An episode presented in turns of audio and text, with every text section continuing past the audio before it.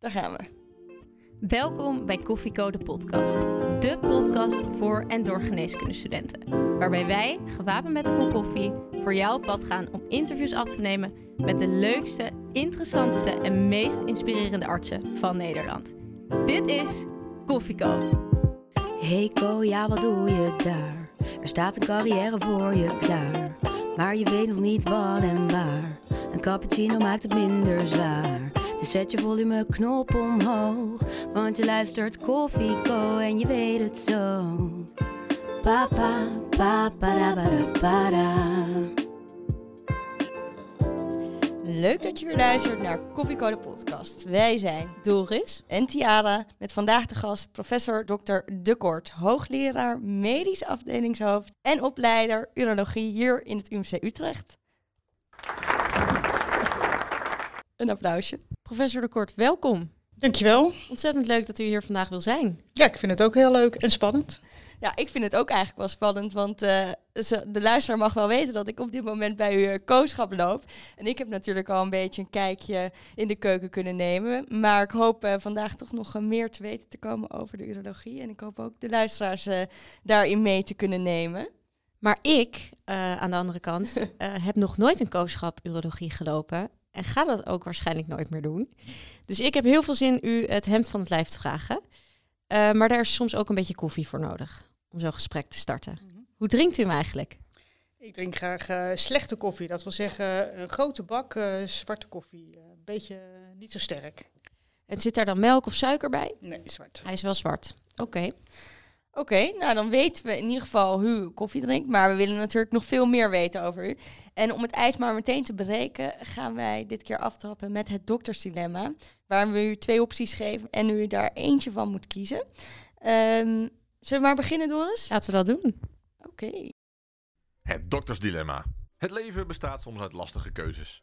Denk niet te lang na en geef snel antwoord. Kamperen of all-inclusive vakantie? Kamperen. Altijd de uitdaging opzoeken of comfortabel bij het bekende blijven. Altijd de uitdaging opzoeken. Huisarts of KNO-arts? KNO-arts. Blaas of penis? Blaas. Zittend of staand plassen? Hm. Zittend. Veel dingen tegelijk of focussen op één ding? Oh, veel dingen tegelijk. Carnaval of Koningsdag? Dat wij niet. Uitgebreid koken of bestellen? Ehm, uitgebreid koken. New York of de Antillen? Oh, New York. Muziek of sport? Sport. Dus u was best wel snel in het antwoorden. Ik ben een chirurg, hè? Ja, dat moet wel. Huisarts of KNO-arts eh, was daarom ook makkelijk vanwege het chirurgische gedeelte. Het chirurgische en KNO lijkt best wel een beetje op urologie. Hè? Het is een orgaanspecialisme waar je zowel eh, chirurgisch als eh, conservatieve behandelingen doet. Dus dat lijkt er wel op. Het gaat heel erg over kwaliteit van leven. Zowel goedaardige als kwaadaardige aandoeningen, zoals, eh, zowel oude als jonge patiënten. Dus er zitten heel veel eh, analogie in eh, tussen KNO en urologie. Oké. En u bent iemand die ehm, veel dingen tegelijk kan. Bent u een echte multitasker? Ik kan best wel wat bal in de lucht houden, ja. ja. Ik denk dat dat ook wel nodig is om Om alle titels te verdienen. Ja, dat denk ik ook. En u was ook heel stellig over New York of de Antillen. Ja, ik, eh, maar dat is niet helemaal eerlijk, want ik ben wel een keer in New York geweest en nog nooit op de Antillen. Oh, Ik vind New York echt een geweldig leuke stad. En de Antillen denk je, ja, alleen op het strand liggen, nou, dat is niet helemaal mijn vakantie. Nou, fijn om u op deze manier wat beter te leren kennen. Ehm, wat wij daarnaast heel belangrijk vinden van onze gasten is om te weten hoe jullie waren toen jullie in onze schoenen stonden. Dus wij vragen aan de specialisten altijd: hoe was u als co-assistent? En dat is wel heel lang geleden voor mij. En het was natuurlijk ook nog wel een beetje anders, hè? want het is eigenlijk helemaal na je theoretische doctoraal dat je kooschappen ging doen. Ik was eh, best wel een serieuze eh co-assistent. Ehm, ik, was, eh, ik stond voor alles open. Ik had nog niet een idee van ik wil die en die richting eh, op. Dus eh, ik vond in principe eigenlijk ook alles leuk. En ik deed wel dingen daarnaast, zoals eh, wat bestuur en wat sport en wat, eh, nou ja, van allerlei dingen naar theater gaan en, en zo. Dus eh zo En- co-assistent. En wat kunt u zich herinneren van uw kooschappen? Wat was bijvoorbeeld uw favoriete kooschap? Ehm, uiteindelijk was, denk ik, chirurgie mijn favoriete kooschap. En dat kwam heel erg onverwacht, want ik had helemaal niet gedacht dat ik iets chirurgisch leuk zou vinden. Ik vond het zo fantastisch dat je ja, iets met je handen kon doen en, en en ik, als ik die elkaar-verpleegkundigen zag hoe handig die waren in dingetjes, nou was het maar iets aanpakken of iets neerleggen, dan ik, oh fantastisch. Dus dan werd ik helemaal gegrepen, zeg maar, door de ja, het chirurgische op de OK.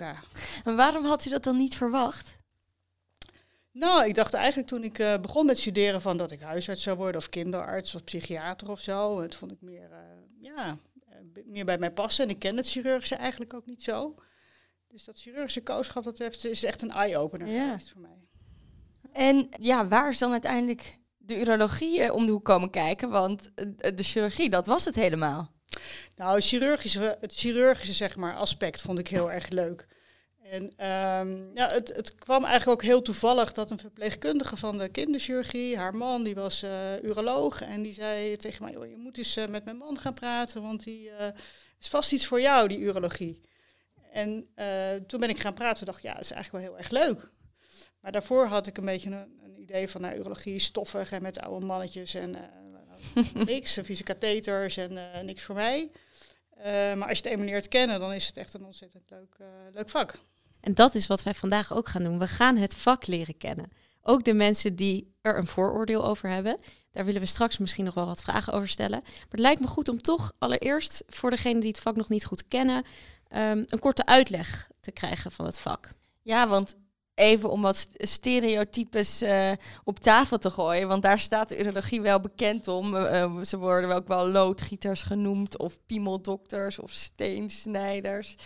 Maar wat is het nou eigenlijk? Kunt u dat heel kort aan ons uitleggen? Ja.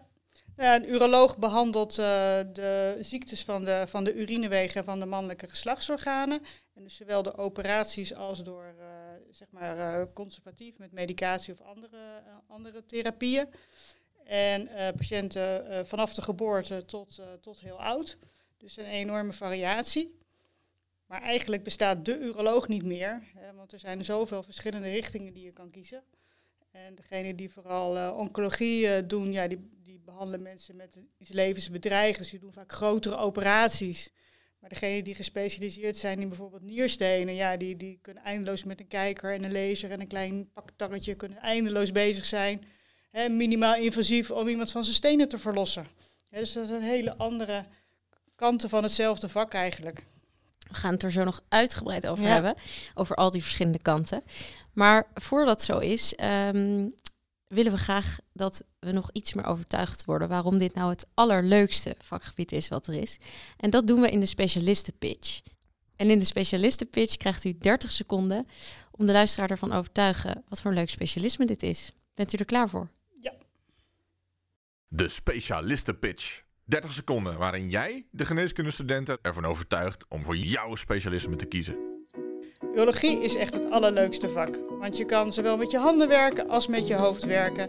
Uh, je, opereert en je behandelt op een andere manier. Hebt patiënten van jong tot oud en uh, allerlei pluimage. Uh, je kan allerlei verschillende richtingen kiezen en je kan betekenisvol zijn voor de patiënt. En daarom is urologie echt een topvak. Een topvak. Ja, en waar gaan we dan beginnen bij het topvak? Want ik denk dat het misschien nog wel goed is. U noemde het net al heel even. Je, het heeft dus heel veel kanten. Je hebt dus de functionele kant, zoals jullie dat noemen. De fertiliteitkant. Maar welke kanten heb je allemaal nog meer? Kinderurologie. Hè, dus urologie voor kinderen. Dat is veel aangeboren problemen en uh, incontinentieproblematiek bij kinderen. Ehm, de andrologie, waar dus de fertiliteit uh, bij hoort en ook de hormoonstoornissen, zeg maar, voor een deel. Um, stenen en minimaal invasief, hè, dus de, de endourologie noemen we dat. En je hebt de urologische oncologie, uh, dus duidelijk prostaatkanker, nierkanker, blaaskanker, peniskanker, testiskanker. En de functionele en reconstructieve urologie, dat wordt ook wel female urology genoemd. En dat gaat dan over functiestoornissen van de blaas met name. Oké, okay. uh, eh, heel interessant. En u zegt nu eigenlijk iets waar ik op aanga, want u zegt female urology bestaat dus ook. Ja, zo wordt het ook wel genoemd, de functionele urologie, omdat dat ja, voor een groot deel ook uh, uh, plasklachten of mixieklachten bij vrouwen, incontinentie en zo, uh, daar gaat het ook voor een deel over. Als u nou aan mij on, of aan een onwetende kosten mocht beschrijven, hoeveel van uw patiëntenpopulatie is nou man en hoeveel is nou vrouw?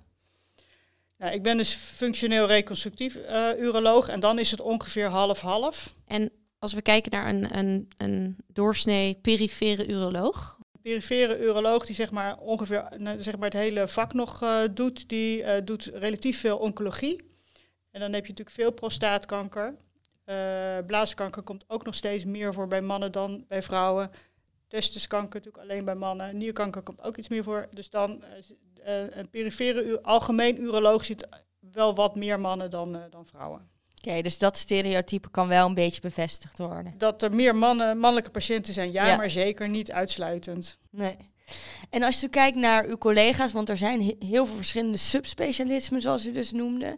Um, maar als je kijkt naar uw collega's, is er ook één type uroloog die je zou kunnen omschrijven? Of heb je daarom ook heel verschillende soorten urologen? Mm -hmm net hoe genuanceerd je kijkt natuurlijk. Hè? Maar de uroloog, uh, wat urologen van elkaar zeggen, is dat het gewoon prettige mensen zijn.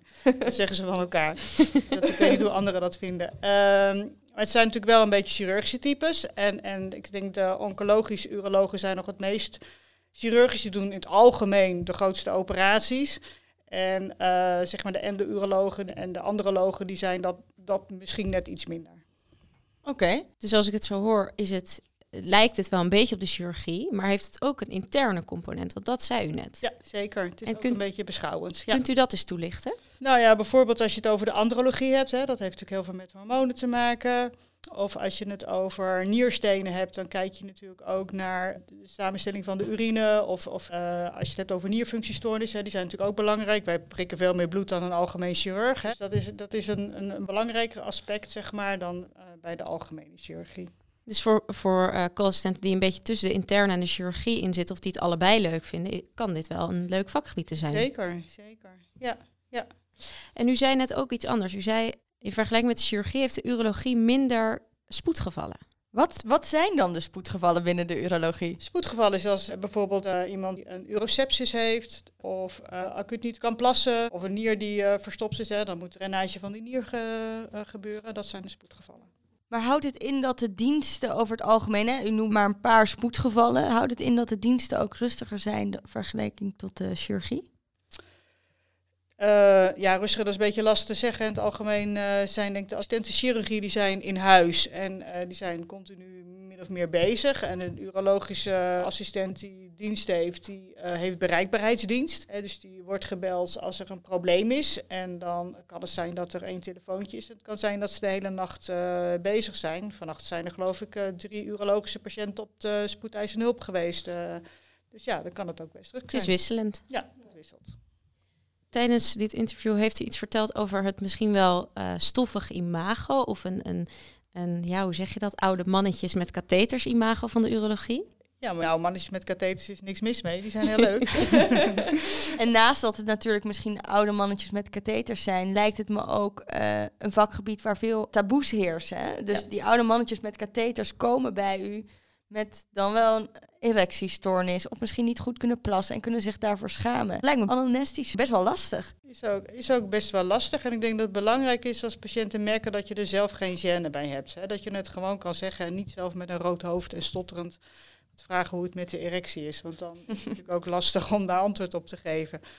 En ja, het klinkt misschien gek, maar ja, urologen onderling praten ook heel makkelijk. Hè. Die hebben het over penissen tijdens een borrel. En ja. dat klinkt als buitenstaan natuurlijk heel raar. Ja. Uh, maar we zien het ook echt als een orgaan of als iets, uh, nou ja, iets functioneels, zeg maar. En uh, het is gewoon heel goed los te koppelen van wat je er dan zelf of privé van vindt.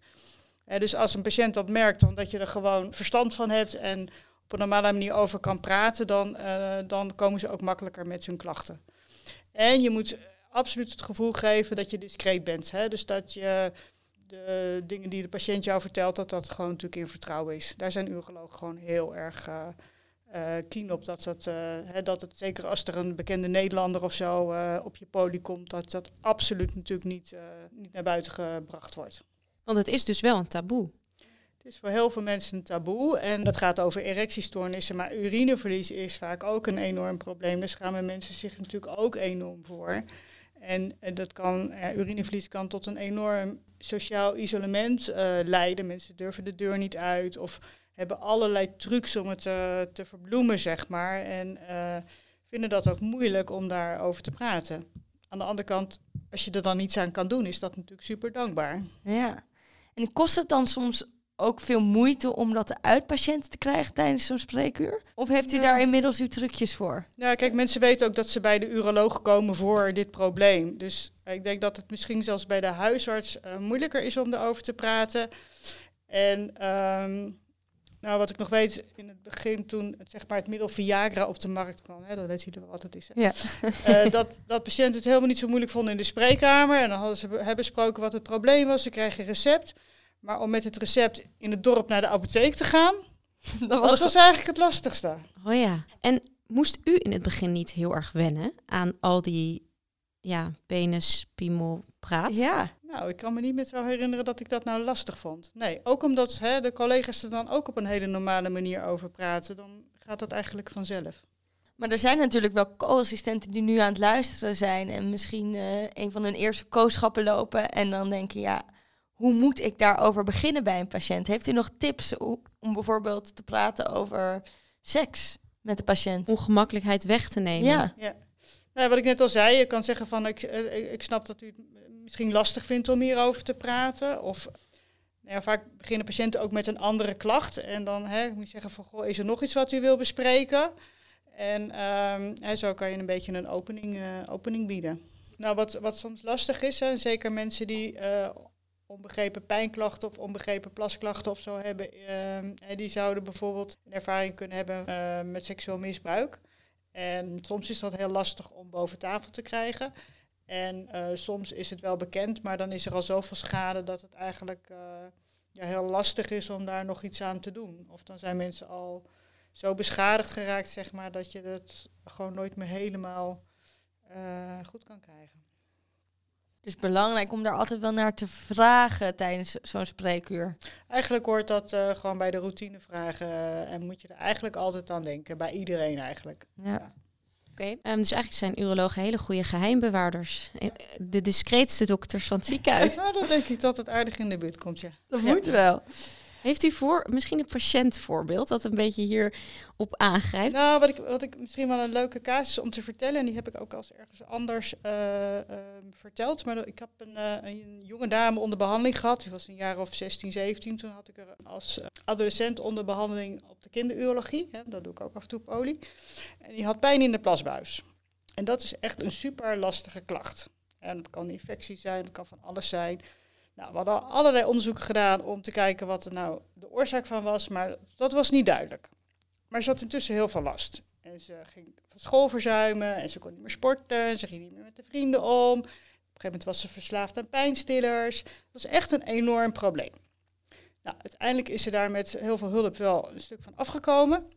En op een gegeven moment werd ik gebeld door een internist uit een naburig ziekenhuis. En die zei, ja, die belde over, ja, die patiënt van jou, die heeft nou uh, mammacarcinoom.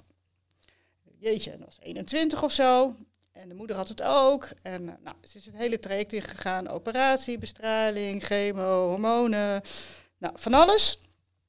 En uh, na een paar jaar kwam ze op de poli, dan inmiddels op de volwassen poli. Ik zeg, oh, hoe is het? Ze zei, nou, heel traject ondergaan. En uh, toen zei ik, en hoe is het dan met die pijn? Ze zei, nou, die pijn die is over sinds ik chemotherapie gehad heb. Nou, ik weet ook niet waarom, maar ik was natuurlijk heel blij voor haar. En uh, zei ik, ja, en dat borstkanker, hè, dat was natuurlijk wel heel, heel naar.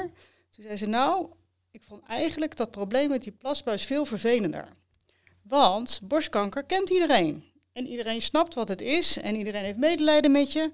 En, hè, en je hebt een excuus voor van alles. Maar pijn in de plasbuis, ja, dan heb je dat niet. En iedereen denkt dat het tussen je oren zit. En hè, dat, je maar moet, dat je, hè, je maar moet vermannen en niet aanstellen. Dus dat vond ik veel moeilijker, zei ze. Nou, dat heeft mij wel, is mij wel bijgebleven. Dat vond ik zo'n mooi verhaal.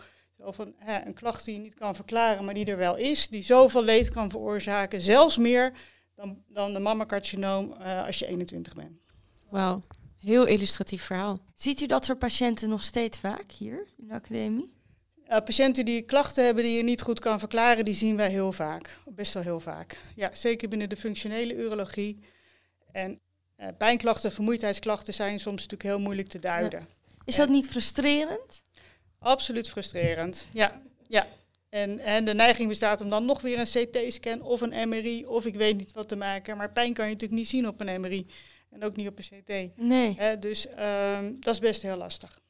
Ik heb nog wel een hele andere vraag over inderdaad uw persoonlijke expertise. Ehm, de functionele urologie, onder andere. Klopt het dat u een van de weinige eh, vrouwelijke hoogleraren bent? Binnen de urologie. Ja. dat klopt. Ja. Ofwel de eerste. Ja, dat is een beetje hoe je het rekent. er is eh, een eh, collega in Rotterdam, die is eh, hoogleraar bij de urologie, maar die is geen uroloog.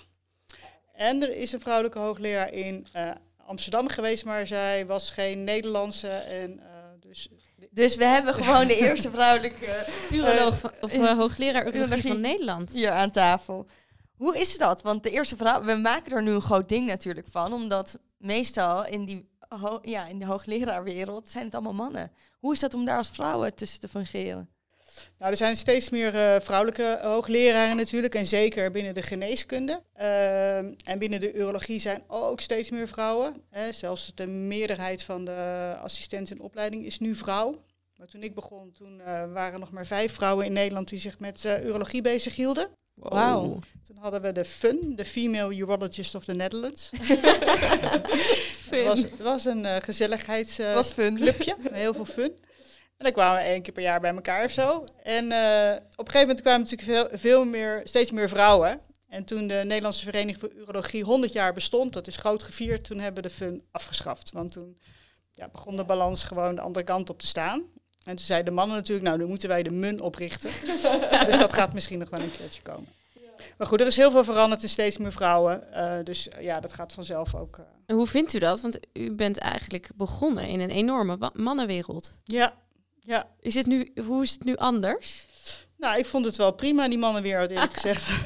Ja? Want? Want? ja, mannen ze, eh, eh, communiceren wat rechtstreekser. En eh, dat vond ik eigenlijk wel prima. En niet dat ik iets tegen vrouwen heb, maar helemaal niet. Maar eh, ik denk wel dat het in balans moet blijven. Ik denk niet dat eh, een, eh 90% van de urologen vrouw moet worden en maar 10% mannen. Dat is niet goed. Dus ongeveer half-half, dat zou heel mooi zijn. Dat is een hele mooie balans. Denk je dat vrouwen, vrouwelijke urologen zich beter kunnen inleven bij de vrouwelijke urologische casuïstiek? Nou, ik, ik ben geneigd om te zeggen van niet. Eh, want ik denk dat eh, een vrouwelijke uroloog heel goed mannen moet kunnen behandelen en andersom ook. En het is natuurlijk best wel vaak dat een, eh, een, vrouwelijke patiënt heel graag een vrouwelijke dokter wil. Ehm, zeker ook allochtone vrouwen hebben dat natuurlijk wat vaker dat ze dat, dat ze dat graag willen. Maar er zijn natuurlijk ook mannen die liever een mannelijke uroloog hebben als het over hun erectiele dysfunctie gaat. Merk, is dat vaak zo bij de urologie, dat mannen graag ehm, met mannen daarover praten? Soms, soms. En waarom is dat zo, denkt u? Nou, ik denk dat ze dan het gevoel hebben dat, de, dat degene die tegenover ze zit ze iets beter begrijpt. Ik zeg niet dat het zo is, maar ik denk dat patiënten het gevoel kunnen hebben. Maar stiekem denk ik eigenlijk dat u, eh, professor Kort, eigenlijk meer weet van eh piemels dan de meeste mannen hier eh, in het ziekenhuis. Toch? Want u Ja. hoort alles. In Ja. principe zou u... Ja, u weet niet hoe het voelt, maar... Nee, nou, ik denk dat dat het is. Hè? Dat, meer het, dat de ervaring, zeg maar, hè, dat de patiënt dan het gevoel heeft dat de dokter dezelfde ervaring zou kunnen hebben. ehm, en dat een vrouwelijke dokter dat dan niet heeft. En ik denk dat dat bij vrouwelijke patiënten ook een beetje zo is. Plus een beetje een, een, een, een gêne-issue, zeg maar. Eh, dat zou wel eh, de onderliggende reden kunnen zijn waarom patiënten of, of er een mannelijke of een vrouwelijke dokter eh, kiezen. U ziet natuurlijk ook best veel aandoeningen waarvan... Nou ja, ik heb nu al tijdens mijn kooschap eh, een aantal aandoeningen gezien... of deformiteiten waarvan ik nooit wist dat ze bestonden. Hoe is dat om daar op psychologisch aspect mee om te gaan... en eh, de patiënt daarin te ondersteunen? Ja, dat is eigenlijk ook wel weer het leuke, vind ik. Hè? Want als patiënten een aangeboren probleem hebben, hè, dan kan het zijn dat het gewoon de eerste levensjaren opgelost wordt en dat ze er nooit meer last van hebben. Maar het is best wel vaak zo dat dat echt iets blijft waar ze last van hebben en wat ook eh, vervolgd moet worden. Hè? En wat steeds meer eh, aandacht krijgt is de levensloop-urologie. Lifelong urology wordt het ook wel genoemd. Hè, dus het, het realiseren dat het belangrijk is dat mensen hun leven lang eh, vervolgd worden. En dat dat eigenlijk ook een, een, soort superspecialisatie is, want dat vergt een specifieke kennis. Want een man uh, met een spina bifida die op zijn zestigste plasklachten heeft, is gewoon iets anders dan iemand zonder spina bifida die gewoon BPH heeft, zeg maar. Dus vergt speciale kennis en ook uh, zeg maar de, het, het, vervolgen van de levensfases en, met name ook de transitie van de kinderen naar volwassenheid. Want dat is natuurlijk een hele heftige periode voor ieder, uh, iedere adolescent, iedere puber. Um, en dan op urologisch gebied gebeuren er ook nog van allerlei dingen. Om daar wat speciale aandacht voor te hebben. Ik denk dat dat wel belangrijk is, maar dat is ook juist een hele leuke uh, uitdaging. Eigenlijk heel leuk dat je als uroloog dus zowel patiënten van de kinderleeftijd ziet als uh, de volwassen leeftijd. Ja, zeker. Dat lijkt me, dat lijkt me een, um, een voordeel aan dit vak. Hoe ziet eigenlijk een, een gemiddelde week van een uroloog eruit? Wat is de verhouding poly-OK, scopieën? Ja. Als er een uh, algemeen uroloog heeft, denk ik half, uh, de helft van de tijd poly en de helft van de tijd uh, OK. En de poly horen de scopieën dan vaak bij, of de kleine ingrepen, dus de vasectomieën bijvoorbeeld. En dan op elkaar kan het ook de kleinere dingen zijn, hè, dus een hydrokelle bijvoorbeeld, of een turp, of een steen, of de hele grote operaties zoals een cystectomie. Welke dag in de week kijkt u het meest naar uit meestal? Oei. Nou, wat ik het leukste vind is, uh, is uh, een hele afwisselende dag. Hè? Dus dat ik uh, bij wijze van spreken één spoedoperatie doe, visite loop, twee patiënten op de politie, een AIOS gesprek heb en dan nog een wetenschappelijk overleg en dan nog een management dingetje en dan... alles tegelijk? Alles, nee, na elkaar. En dan, als ik alles gedaan heb, dag, dan heb ik een topdag. Oh, leuk. Ja. En één ding wat u hier noemt, dat hebben we nog niet besproken. Ja. En dat is dat u ook opleider bent begeleiden van de AIOS. Wat vindt u van die taak?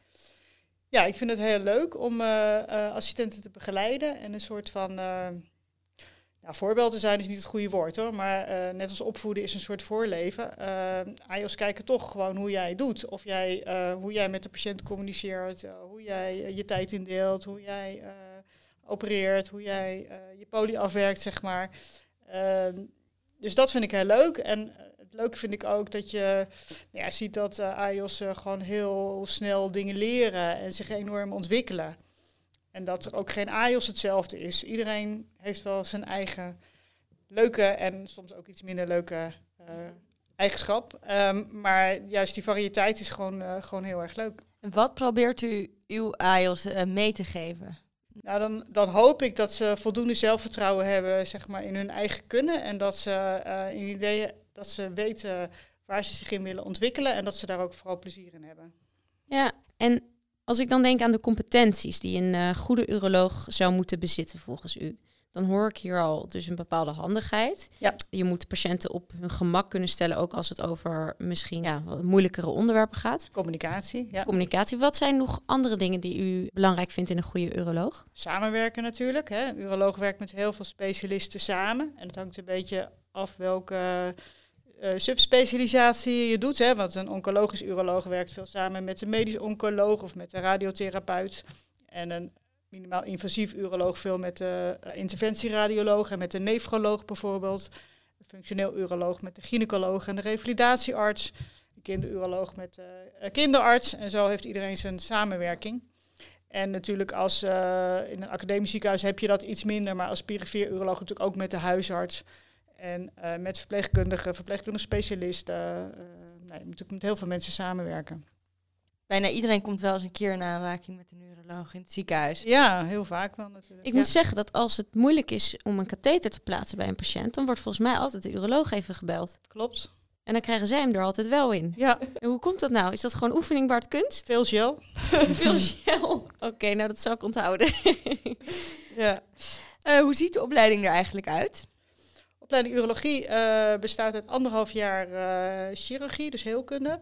Uh, en dan tenminste anderhalf jaar academische urologie, anderhalf jaar perifere urologie. En dan ehm, nog een differentiatie of een, een, plek naar keuze. Is het moeilijk om in opleiding te komen? Ja, het is heel moeilijk om in opleiding te komen. En we moeten helaas ook hele goede kandidaten afwijzen. Uh, iedere keer. Uh, het is in uh, Nederland zo georganiseerd dat het, een kandidaat zich landelijk aanmeldt voor, als hij een opleiding wil bij de urologie. En dan kiest hij voor een cluster, dus of Groningen of Utrecht of Amsterdam. En eh, dan word je daar wel of niet op gesprek uitgenodigd. En waar wij altijd naar kijken, wij zoeken altijd goede dokters. En er zijn, alle kandidaten hebben ervaring in de urologie als ANIOS. En eh, iedereen heeft wat extra's gedaan. Vaak wetenschap, soms bestuursdingen, soms topsport, soms eh, nou, van alles. Promoveren is geen must? Is geen must en ook geen garantie. Maar het is natuurlijk wel iets wat je hebt laten zien, wat een pre, zeker een pre is. Maar we proberen vooral te kijken van wie is een goede dokter. Ehm, wie eh, zouden we graag als collega willen hebben. En wat heeft hij nog extra laten zien behalve een goede dokter te zijn. Maar dat vind ik toch wel lastig wat u nu zegt. Want wat houdt het in, een goede dokter? Nou, dan gaan we altijd af op de referenties. Oké. Eh, want eh, alle kandidaten hebben al ergens gewerkt. En die eh, krijgen een referentie van de plek waar ze gewerkt hebben. En hoeveel plekken zijn er per jaar? Nou, ongeveer 21, 21, 23 zeg maar. Verdeeld over zeven clusters. Dus het zijn er drie of vier per cluster per jaar. Nou, duidelijk. Ja, en dan, als die opleiding afgelopen is, eh, dan gaan veel AIOS natuurlijk op zoek naar een plek. En nou ja, we hebben, weten natuurlijk allemaal het eh, probleem van de jonge klaren nu door heel Nederland bij elk specialisme. Maar ik had begrepen dat ze bij de urologie het ietsjes anders hebben aangepakt met de jonge klaren. Kunt u daar iets meer over vertellen? Het klopt, ja. De werkloosheid onder jonge klare urologen is heel laag. Zeker in vergelijking tot alle andere specialismen. En dat komt onder andere omdat we als Nederlandse vereniging altijd gezegd hebben... eh, we leiden zo min mogelijk AIOS op. En ehm, de, de AIOS worden betaald door het ministerie. Het ministerie betaalt voor de opleiding van de AIOS. Dus die bepalen hoeveel AIOS er opgeleid mogen worden per specialisme. En dan is er, ehm, nou, er zijn allemaal commissies die daarover nadenken. En die zeggen dan bijvoorbeeld, eh, nou, volgend jaar mogen jullie tussen de 21 en de 25 eh AIOS opleiden. En dan zeiden we altijd 21. Terwijl het is natuurlijk heel fijn om heel veel mensen op te leiden. Hè, van AIOS zijn eh, hè, die, zijn, die, die dragen ook bij aan de productie natuurlijk. Dus heel veel ziekenhuizen willen graag AIOS. Maar we hebben altijd dat laag gehouden. En waarom? Uh, omdat we ook steeds hebben gemeten van ehm, uh, hoeveel mensen, hoeveel urologen werken er nog, wanneer gaan ze met pensioen, hoeveel mensen zijn er nodig, uh, hoeveel mensen willen er minder gaan werken. En zo hebben we altijd een beetje geraamd van nou, we hebben er waarschijnlijk zoveel nodig. En daar hebben we dat op afgestemd. En omdat we bang waren dat we urologen voor niks op zouden leiden. Dus dat heeft ervoor gezorgd dat we een relatief kleine overschot hebben. Een aantal jaar geleden dreigde er toch een overschot aan jonge klaren te komen. En toen is een soort oproep gedaan aan de urologen van, goh, schik er allemaal een beetje in. Dus als je nou allemaal een halve dag minder gaat werken, dan heb je, creëer je weer een baan. En dat hebben heel veel uh, collega's hebben dat gedaan. En daardoor zijn er best heel veel plekken ontstaan. En dat zijn niet allemaal per se vaste plekken. Hè, dat zijn wat we noemen chefplekken of alle tijdelijke plekken. Maar goed, het is helemaal niet zo erg om in het begin ergens tijdelijk te zitten en even rond te kijken. En, uh, en, en, dan uiteindelijk echt een vaste plek te kiezen. Maar dat is best uniek dat, er een, dat een, ja, een specialisme zegt en dat iedereen welwillend is om wat in te leveren. Ja, niet iedereen, maar best heel veel uh, collega's hebben dat gedaan. En dat is, uh, dat is heel prettig. Ja. Werken er ook veel mensen parttime binnen de urologie? Is die mogelijkheid daar? Ja, zeker. zeker. Ja, ook tijdens de opleiding kan je ervoor kiezen om parttime te werken. En zoals wij het uh, hier ingericht hebben, is dat fulltime is vier dagen en dan diensten. En parttime is dan drie dagen plus diensten. En dat kan in overleg met je opleider. En dan duurt je opleiding natuurlijk ook langer. Uh, en je salaris is iets lager. Uh, maar het kan wel. En wat vindt u daarvan? Als, in, als een AIOS parttime werkt? Vindt u dat geen enkel probleem? Nou, ik, ik, ik, ik, ik zie wel dat als je minder aanwezig bent, dat het lastiger is om... Um, bepaalde ja. vaardigheden of zo? Ja, dan, dan, dan, is het, dan, hè, dan, uh, dan verdunt het allemaal een beetje, zeg maar. Dus dat vind ik wel een nadeel. Aan de andere kant vind ik het heel belangrijk dat iedereen in balans is. Je balans met je privé en werk en belasting en draagkracht, zeg maar. Dat is heel belangrijk om daar goed in evenwicht te zijn. En als dat niet zo is, ja, dan gaat het niet goed. Dus dan kan je er beter voor kiezen om parttime te werken dan dat het uit de pas gaat lopen. De co-telefoon. De co-telefoon gaat natuurlijk altijd wanneer die niet uitkomt. Uh, en de, uh, dit keer is het een vraag ingestuurd door NIG VL. En die vraagt zich af, leer je als uroloog echt goed opereren? Ja. Hele, hele kritische vraag. Ja, zeg ik maar. Um, voor urologen in opleiding is het wel lastiger nu dan dat het vroeger was. Want ehm, eh, er is sowieso minder operatietijd door allerlei uh, tekort in personeel. En het is steeds gedifferentieerder. Hè. In mijn tijd was er, was er open chirurgie, endoscopie en een heel klein beetje laparoscopie. En nu is er open chirurgie, endoscopie, laparoscopie, robots geassisteerde uh, chirurgie. dus het is veel diverser. Dus het is voor AIOS veel moeilijker om uh, op alle vlakken voldoende vlieguren te maken en ook de vaardigheden zich eigen te maken. Daarom hebben we binnen de opleiding ook gekozen voor een differentiatie. Dus je doet een kerncurriculum, dus de vaste onderdelen, en daarna kies je een bepaalde richting. Zodat je je daarop kan focussen, want je kan gewoon niet alles in die, die vijf en half, zes jaar proppen. Nee. Ik heb nog wel een vraag uh, voor de luisteraars die, net als u eigenlijk, wat, wat tussen de interne en de chirurgie in zitten. En die naar vakgebieden gaan kijken, zoals de urologie of de KNO, of misschien de MDL. Wat, wat vindt u nou het verschil tussen dus inderdaad bijvoorbeeld de KNO en de urologie? Ja, het is vooral een ander, uh, een ander orgaangebied natuurlijk. dat was een inkopper. Boven en onder de gordel.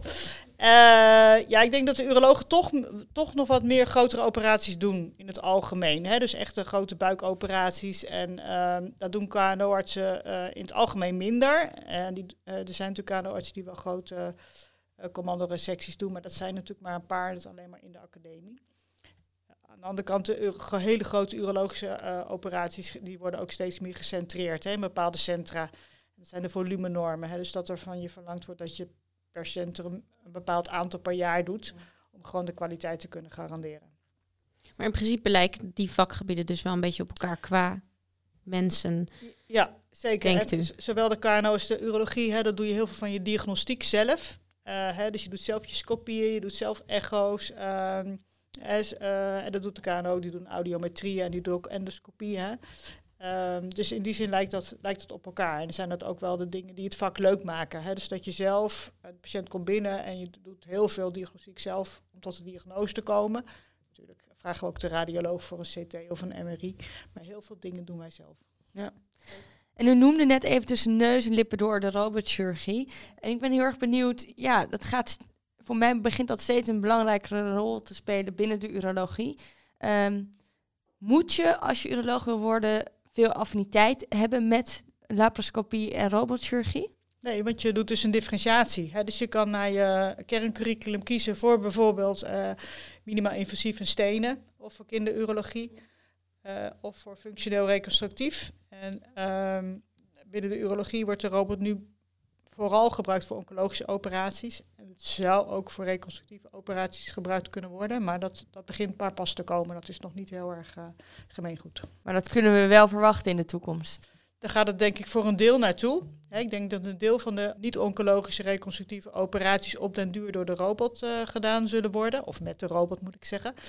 Uh, maar er zijn ook altijd nog wel operaties die open moeten. Omdat buik heel erg bestraald is of uh, verkleefd of wat dan ook.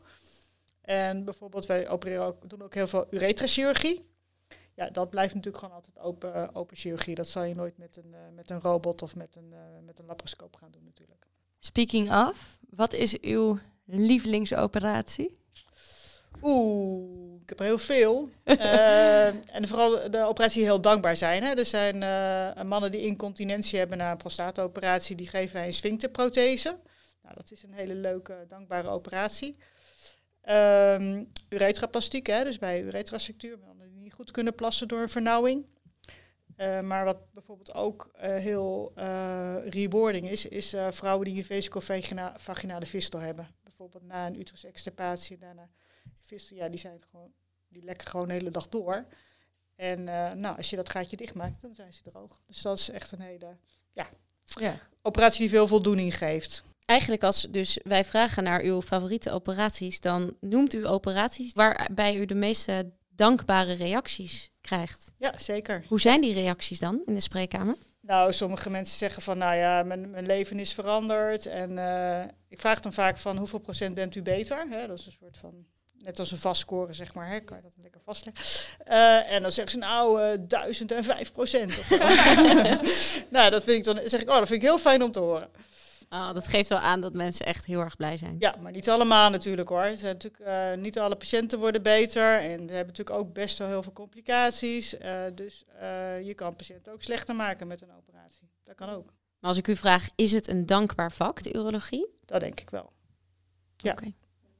Ehm, dan weten we denk ik al heel veel over de urologie. We weten inmiddels ook al heel wat over u. Ehm, maar ik ben nog wel heel erg benieuwd. We hebben het een beetje gehad over uw eigen persoonlijke expertise. Dat u hoogleraar bent. Wat betekent die titel voor u? Oeh, dat een moeilijke vraag zeg. nou ja, dat maakt mij ervan bewust dat ik en mensen dingen moet leren. Dus studenten, eh, co-assistenten, eh, assistenten, verpleegkundigen, misschien collega's, fellows, zeg maar. Eh, dat maakt me er extra van bewust dat ik mensen iets moet leren. Was het een hoogtepunt of was het het hoogtepunt van uw carrière tot nu toe? Eh, dit was niet het hoogtepunt, maar het is wel een erkenning en het opent wel deuren. Was er wel een ander hoogtepunt? Oeh, dat ik aangenomen werd voor de opleiding was geloof ik wel Ja? een hoogtepunt. Ah, dat zegt u nog steeds met een grote lach. Ja. Weet u Ja. nog wat hij toen heeft gedaan om het te vieren? Ja, toen hebben we dikke champagne opengetrokken. ja, ja. Wat Ja. Kan ik me heel goed voorstellen. Was je, mocht je maar één keer meedoen. En als je die ene keer niet werd, dan was het gewoon klaar. Oh, echt? Oh, dus het was ook in één keer gelukt bij u? Ja. Ja, ja, dat moest ja, wel. dat moest wel. Ja, nee, maar ja. Ja. Wat een feest. Ja, Ja, ja. leuk. Ja. Ehm, professor de Kort, wie is de professor thuis? Wat vinden uw kinderen bijvoorbeeld van dat u uroloog bent? Oeh, die, ehm, eh, die zien dat ik het heel leuk vind. Dus eh, ehm, in die zin waarderen ze het. Ehm, ze vonden het toen ze wat jonger waren, vonden ze het wel super gênant. Wilden ze wel zeggen dat ik dokter was, maar uroloog, nou ja, dat was dan toch een beetje raar. Dus dat mocht ik niet vertellen. Ehm, en eh, ze zien ook wel dat ik druk ben en vrij veel weg, zeg maar. Maar dat zijn ze gewend en dat vinden ze op zich prima. Dus, Vindt u dat ook prima? nou ja, er is altijd de balansen. Ja. Het gaat om de balans. En wat doet u ter ontspanning? Oeh, ik, eh, ik sport graag. En ehm, ik eh, zou graag eh, nog wat meer zeg maar, naar musea gaan en zelf schilderen en dat soort dingen doen. En dat doe ik een klein beetje, maar daar zou ik graag nog wat meer tijd voor hebben. Want stel, hè, u mag morgen met pensioen. Wat gaat u dan als eerste doen? Oeh, dan ga ik naar het Van Gogh Museum. Ja? Wat leuk. Ja. Had ik niet verwacht. Nee? Nee, ik dacht misschien naar New York. Nee. Eh, dat mag niet hè, met die corona. Nee. nee, grapje. Een hele goede keus. Ehm, gaan we naar het einde? Wij eindigen altijd met nog één laatste tip voor alle jonge dokters, alle luisteraars. Wat zou u hen mee willen geven? Nou, ik denk voor alle co-assistenten dat het belangrijk is om bij jezelf na te gaan van, ehm, ja, waar krijg ik nou energie van? Wat vind ik leuk? En hoe blijf ik in balans? En baseer daar je keuze op. Oké, nou daar kunnen we ook weer een heel interview over vol praten. Maar ik Die denk we dat het tijd is om, ehm, om te stoppen. Al heb ik als niet-urologische kooschap nog echt een laatste iets nodig. Want wat is nou de gouden tip als ik morgen een katheter moet inbrengen als co-assistent? Veel gel en goed opstrekken. Jullie horen het. Dank jullie wel, luisteraars, voor het luisteren naar weer een aflevering van Koffiecode Podcast. En professor de Kort, ontzettend bedankt dat u hier aanwezig wilde zijn en al uw eh, nou, wijsheden wilde verspreiden met de, met de luisterende co-assistenten. Graag gedaan. Dankjewel, lieve luisteraars. We, je hoort ons over twee weken weer. Volg ons op Instagram, Facebook, LinkedIn. En blijf op de hoogte van alle nieuwe interviews. Tot snel weer bij Koffiecode Podcast. Pa pa pa para para para.